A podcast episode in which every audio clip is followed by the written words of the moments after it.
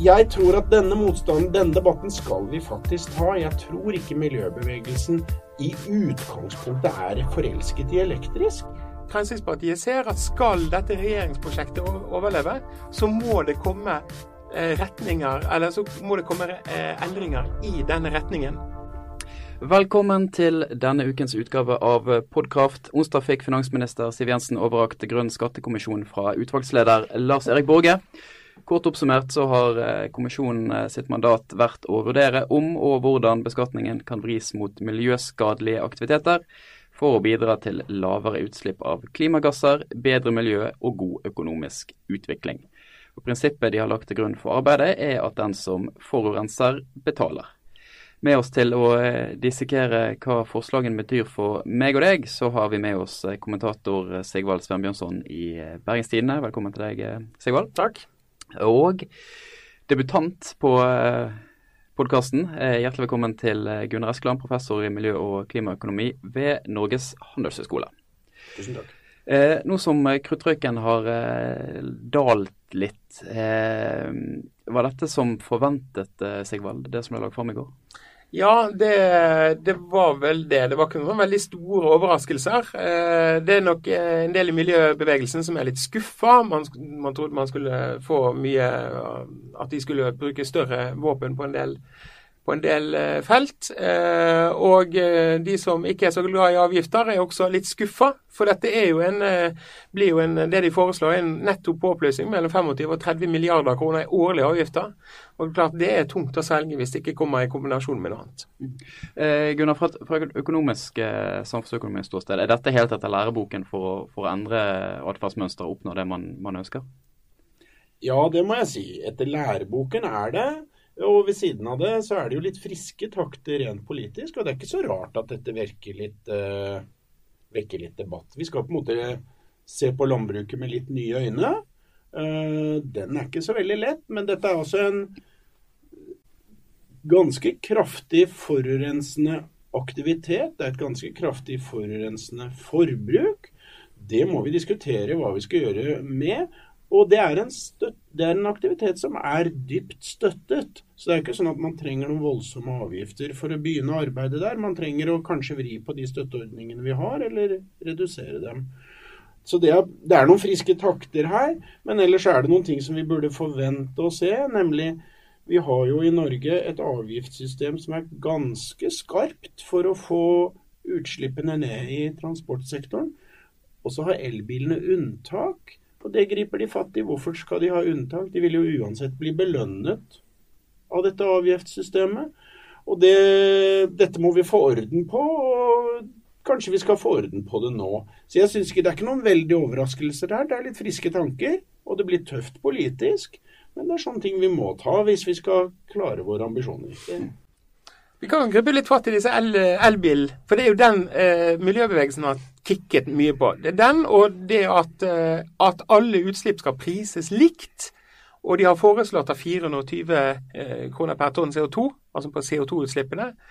Eh, det vil jo da innbefatte en nedgang i prisen f.eks. For, for, for det oljeindustrien slipper ut. Sånn som jeg har forstått det. da. Det har i hvert fall miljøbevegelsen vært veldig sinte på. Men la oss ta denne elbilen. Ehm, jeg, jeg, eh, er jo blant de som mener at det forslaget er veldig smart. Det, for i Norge så har vi en veldig gammel bilpark. Grunnen til at vi har en gammel bilpark er at det koster kolossalt mye å kjøpe en ny bil. Eh, det gjør jo at man ønsker å beholde bilen lengst mulig. Investeringskostnaden for å kjøpe en ny er, er veldig høy. Straks du sitter eh, nøkkelen i tenninga i en ny bil, så halveres prisen. Um, og, um, uh, klart det, det, gjør at snittalderen på norsk bil er ca. ti år rundt det. For ti år siden så lagde de ganske Så var det ikke spesielt uh, uh, Så var ikke bilene spesielt økonomiske. Bensinbiler slapp ut mye mer enn en bensinbil gjør i dag. og da snakker jeg om CO2. Så, så det å få en mekanisme som gjør det mer gunstig å kjøpe en ny bil, og ligger det slik at bruken av bilen, altså når bilen faktisk slipper ut, vil bli mye dyrere, er et, eh, er et veldig godt, og jeg tror det er et helt nødvendig grep. Eh, da vil du kunne dratt inn en, en, større utskifting, en raskere utskifting av den norske bilparken. Det vil eh, også eh, komme elbil og hybridbiler og hydrogenbiler eh, godt til nytte. fordi at eh, og, og, de kan jo også subsidiere, men da med mer en engangsordning. Altså direkte støtte til de som kjøper disse bilene. men det, det ville gitt ganske stor effekt på relativt kort tid. Ja, jeg tror at uh, dette er veldig riktige tanker. Vi skal være oppmerksom på at det presset vi har på å rense nye biler, uh, det er ganske sterkt. Det betyr at det norske folk betaler ganske mye for å få det gjort. Når vi gjør det, så må vi nesten tenke lokalmiljø samtidig med at vi tenker globalt. For det globale er viktig, men det er slett ikke det eneste som er viktig. Og Det betyr at hvis vi kjøper biler som er veldig dyre fordi de er veldig rene, så burde det være noen mekanismer som sørger for at vi har flere av dem i våre forurensede byer. Og Dette betyr at vi må begynne å finne mekanismer som differensierer. For noen år siden så var det vanskelig, men i, i vår dag, våre dager så vil det ikke være vanskelig. Det vil ikke være vanskelig f.eks. å la utslippsfrie biler betale en tredjedel i bomringene til Bergen av det som mer forurensende biler gjør. Det er fornuftig hvis det vi skal gjøre er både å ta en pris for veiplass, som vi bør gjøre i en trang by som Bergen, og en pris for forurensning, som vi bør gjøre i en forurenset by for Bergen. Men det, blir, det er litt synd, faktisk, hvis vi har veldig flotte, veldig rene biler i noen fantastiske øykommuner på Vestlandet, hvor luftforurensning slett ikke er noe problem. Altså, Bergens Tidende har jo en leder i dag eh, Sigvald, der man kritiserer eh, bortfall, eller det foreslåtte bortfallet av, av fordeler for, for eh, elbiler. Så du er, du er uenig i, i, den, åpenbart? da? Jo da. Eh, det, det, var ikke jeg som skal den lederen, eh, men, men, det har ikke noe å si. Eh, vi, vi, står jo fritt til å mene litt under, under eget navn i Bergens Tidende.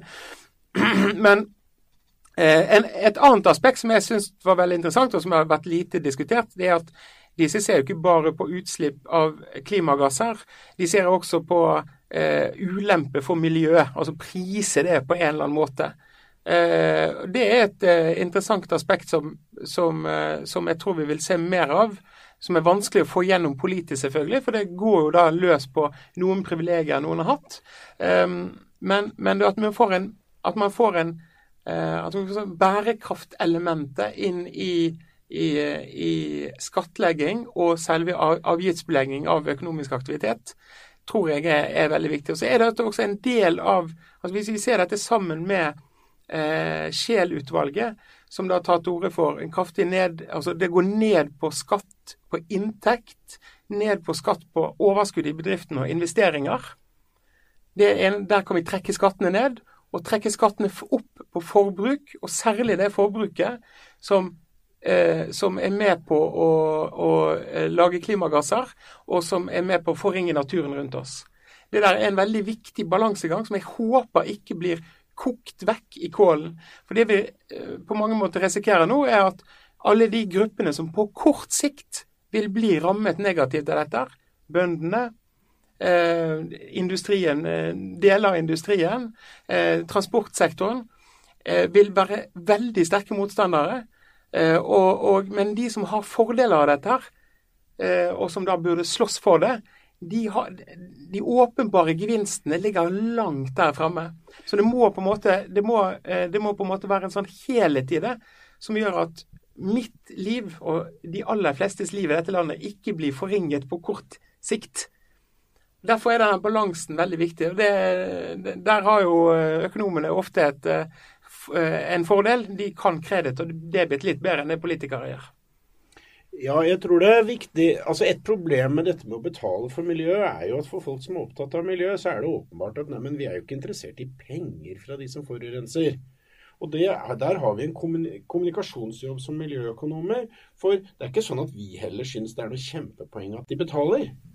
Nei, vi syns det er et poeng at hvis de betaler, så kommer de til å anstrenge seg og bli oppfinnsomme med hensyn til hvordan de skal få miljøbelastningen ned. Så det, der, det, må vi være flinke til. Og en ting som er morsomt med dette skatteutvalget, er at de har sagt ja, men la oss snakke litt om hva vi mener med miljø. For det er mange som tror at miljø er det samme som klima. Nei, miljø betyr at vi må ta stilling til noe politisk og som individer. F.eks. så snakker de om betaling for de som Altså for de aktivitetene som reduserer naturmiljøet rundt oss, eller ødelegger naturmiljøet rundt oss. Det betyr at vi må ta stilling til hva er det ved naturmiljøet rundt oss vi er opptatt av. Og hvis vi skal få til dette med en bedre trafikkavvikling i våre trange og forurensede byer, ja, da skal vi huske på at en av konsekvensene av at vi gjør det vanskeligere å bruke bil i byen, er at det er i byen kollektivtransporten får en størst lettelse av sin jobb. For i byene kan kollektivtransporten representere et alternativ, men det er ikke så lett hvis det er veldig lett og komfortabelt og billig å bruke bil. Så disse tingene virker litt sammen, og det er viktig at vi tar kommunikasjonsutfordringen her, altså. Det er ikke sånn at hvis du har sagt miljø, så skjønner alle hva du mener. Nei, du må være litt konkret, og da kan vi se på hvordan vi kan få det til. Som, eh, som du nevnte, Segvald, så eh, har miljøbevegelsen eh, nærmest kollektivt slaktet forslaget. Og nestleder i SV, Kari Elisabeth Kaski, som òg Generalsekretær. Generalsekretær, takk. Hun er nestleder, tidligere nestleder i Zero. Sånn var det hang sammen. Jeg skrev en bloggpost i går om samfunnsøkonomiske prinsipper. Dette er for så vidt ikke uforståelige prinsipper, men de er dessverre ubehjelpelig utilstrekkelig i et møte med så komplekst problem som klimaproblemet. Eh, hva er det miljøbevegelsen ikke har skjønt, eh, Gunnar? Jeg tror de har skjønt mye. Det er litt vanskelig for dem å gi avkall på den veldig kraftige støtten som elbilene har fått. Ehm, men jeg tror miljøbevegelsen må jo innrømme at elbilen har fått dette spranget fremover pga. økonomiske virkemidler. Så vi ser jo det at det er futt i det. Og eh, miljøbevegelsen er kanskje ikke helt der at de er villig til å se at disse utslippsreduksjonene kunne kommet på alternativ måte. Har, denne typen støtte har den svakheten for oss økonomer at på en måte så sitter myndighetene og velger hvem som skal løse dette problemet og hvordan. Og Saken er at dette har vært en flott løsning. Jeg mener at den er flott. Jeg har elbil selv. Men ved å bruke unntak istedenfor å bruke den virkemiddelbruken som egentlig er ganske flott, jeg har brukt ordet elegant, så har vi gitt for lite hjelp til alle de andre løsningene. F.eks. mener jeg at en glimrende løsning i dagens teknologibilde er mange plugghybrider. Det er flotte løsninger. Det gjør ikke noe om du brenner fossilt hvis det bare er av og til når du skal langt. Så jeg tror at denne motstanden, denne debatten skal vi faktisk ta. Jeg tror ikke miljøbevegelsen i utgangspunktet er forelsket i elektrisk. Nei, de er forelsket i lave utslipp. Og det tror jeg vi kan få på en annen måte. Det er budskapet fra utvalget. Så liker jeg også dette med at man sier man, man gir eh, Man diskriminerer ikke på utslipp. Eh, CO2 eller klimagassutslipp er klimagassutslipp. Eh, det skal ha prises likt. Uh, og det, det, tror jeg er et, et, godt prinsipp, fordi da slipper man å forholde seg til teknologier, f.eks. Da slipper man å lage et nytt regelverk. Skulle det plutselig dukke opp en ny teknologi som, som, som er mye gunstigere enn den vi har. Da går det rent på hva er det vi ønsker å få ned? Jo, det er klimautslippene. Og Så kan man diskutere dosering og hvor mye og hvor masse. Men man skal huske på en ting, og der, der, der, sliter både på en måte eh, de som ikke er så veldig opptatt av klima, som er mer opptatt av avgiften skal ned, og, og miljøbevegelsen. Og det handler litt om, eh, det handler litt om styrkeforhold her. Altså, hvis man går for langt i å avgiftsbelegge, kjøre for tøft på, på, på, det, på, det, så vil det også ha en ganske stor eh, skadeeffekt. Um, Eh, så doseringen må på en måte være riktig og må harmonisere med hva som skjer rundt oss. Eh, på en annen side så er, så jo, eh, så er det jo en kjensgjerning at det ruller veldig mange dieselbiler. Jeg eier en av de på disse veiene her, som ble kjøpt inn fordi at det kom helt klare, tydelige signal fra politiske myndigheter, og at det er dieselbil som gjaldt nå. Det signalet kom fra tidligere leder i Sosialistisk Venstreparti, Kristin Halvorsen, hun var finansminister. Hva gjorde folk da? De snudde og kjøpte dieselbiler som remmer og tøy kunne holde. Ja da, jeg tror vi skal være oppmerksom på at det er ikke så lett å forankre politikken sånn at vi får en litt stødig strategiske føringer. Men en veldig viktig kilde til såpass den forankringen ligger i en litt prinsipiell tilnærming. Og da skal vi huske på at disse prinsippene, som er gode økonomiske prinsipper, de er ikke så verst politisk heller. Det slo meg nettopp at når Jeg tror det var kvinnekampen som reiste, men jeg er ikke sikker på det. Men det har i hvert fall vært et viktig politisk slagord. Lik lønn for likt arbeid. Det er faktisk akkurat det samme. Hvis vi, et, hvis vi mener at CO2 er en veldig viktig utslippskategori, og det mener jeg, så er det rimelig at den skal behandles likt uansett hvor den kommer fra. Det er ikke sånn at det er helt nødvendig at den eneste måten å gjøre det på, eller noe sånt noe, men i utgangspunktet så er det en kostnadseffektiv måte å skaffe seg utslippsreduksjoner på, og det er en nyttig forankring.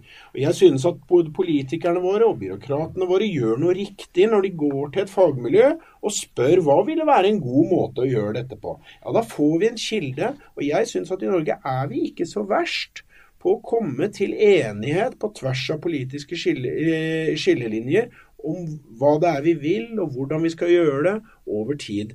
Dieselbileksempelet er dessverre et stygt eksempel på det motsatte. Det er en stor skam at vi gjorde sånn såpass fort jeg så det når det kom, og jeg kritiserte det. Eh, og da sa de dette skal vi løse senere, Gunnar. Og da sa jeg nei, det holder ikke. Du må si fra hvor du skal, og så må du styre etter det hele tiden. For sånn vingling er veldig kostbart, inkludert for troverdigheten i miljøpolitikken. Tror det er mange som har ventet med å kjøpe en Tesla-bil eh, fordi eh, rett og slett man stoler ikke på at de godene som følger med, vil følge med. Det har jo også mye å si på, på annonsverdien. Men så en ting til. Eh, det skal altså gjøres store investeringer. Vi er tilbake på eh, det er bedrifter eh, og samfunn skal gjøre store investeringer som skal være der i 20-30-40 år frem i tid. De investeringsbeslutningene, mange av de tas nå. Hvordan skatte- og avgiftsregimet vil se ut i årene som kommer, er selvfølgelig viktig for hvordan investeringen vil se ut. I hele Europa nå så går det i en retning som jeg nevnte i sted, at skattleggingen av investeringer, av overskudd, skal ned. Skattleggingen av arbeidsinnsats skal ned, men skattleggingen av eh, utslipp skal opp. Eh, hvordan dette i detalj skal gjøres, det, er, det får jo bare komme, og det vil bli masse lobbykamper og krangling osv. Men at det er som et hovedprinsipp i Norge, at man har en slags konsensus at det er den veien det går. Så planlegger du investeringer, så gjør det på denne måten, som fører til mindre utslipp da vil avkastningen bli høyere. Vi skal, vi skal ta runde av eh, med et lite dypdykk inn i det politiske aspektet òg. For det kom jo allerede fram på pressekonferansen i går at eh, mange av forslagene ble omtalt av Siv Jensen som krevende for Fremskrittspartiet å eh, gå med på. og Partikollegaer gikk vel eh, hakket lenger og sa at de var uaktuelle med, med Fremskrittspartiet i regjering. Hva, hva kommer til å skje nå i den politiske hestehandelen? Nei, altså Jeg, jeg syns det var interessant at uh, Siv Jensen Jeg så ikke pressekonferansen. Jeg var hjemme med sykt barn i går, så jeg så ikke pressekonferansen direkte. Jeg, jeg så en referert. Hun var ganske avmålt. Selvfølgelig også bestilt rapporten, måte på slakt hun kunne servere på direkten. Men da den ble, eh, skulle diskuteres etterpå, og den de sendte til, til TV-stasjonene, det var ikke Hans André Limi, som er deres finanspolitiske talsmann. Han holdt seg ganske i bakgrunnen. Det var en backbencher eh, som ingen har hørt om før, eh, som da var ganske kategorisk, og som sendte klare meldinger hjem. Eh, men eh, her tror jeg Fremskrittspartiet ser at skal dette regjeringsprosjektet overleve, så må det komme eh, retninger, eller så må det komme eh, endringer i denne retningen. Og så vil det være enkeltheter her som er vanskelig å spise for dem, men de får noe, forhåpentligvis tidens kvern gjør gjøre noe, gjør noe med. Ja, altså Politiske realiteter er ikke alltid vår spesialitet som økonomer. Men jeg, jeg må si at den politiske scenen, vår evne til å samarbeide og finne, og finne, løsninger i Norge er ikke så verst, altså.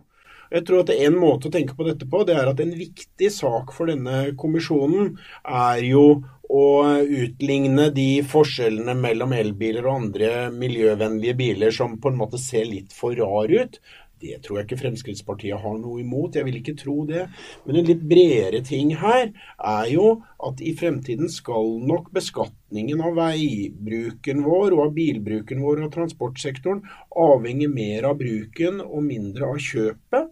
Det er gode miljøprinsipper. Det tror jeg heller ikke Fremskrittspartiet har noe imot. Så dette tror jeg krever litt av oss når det gjelder å finne gode løsninger. Men jeg er spesielt opptatt av at vi skal se noen løsninger som vi kan holde oss fast til over tid, over politiske skifter. Og det tror jeg vi kan få til i Norge. Dette er ikke så veldig vanskelig. Med den forholdsvis optimistiske avslutningen så sier jeg takk til Sigvald og takk til deg, Gunnar. Husk at du kan abonnere på Podkraft i iTunes. Og så skal vi eh, helt til slutt avslutte med et ord fra vår sponsor. God helg. Jeg vil be alle passasjerer om å rette opp stolryggen og feste setebeltet. Samfunn, teknologi og næringsliv er i bevegelse. Globale endringer kommer til å prege deg og din virksomhet. Vil du overleve, må du tenke smartere. Den som står i ro, har tatt.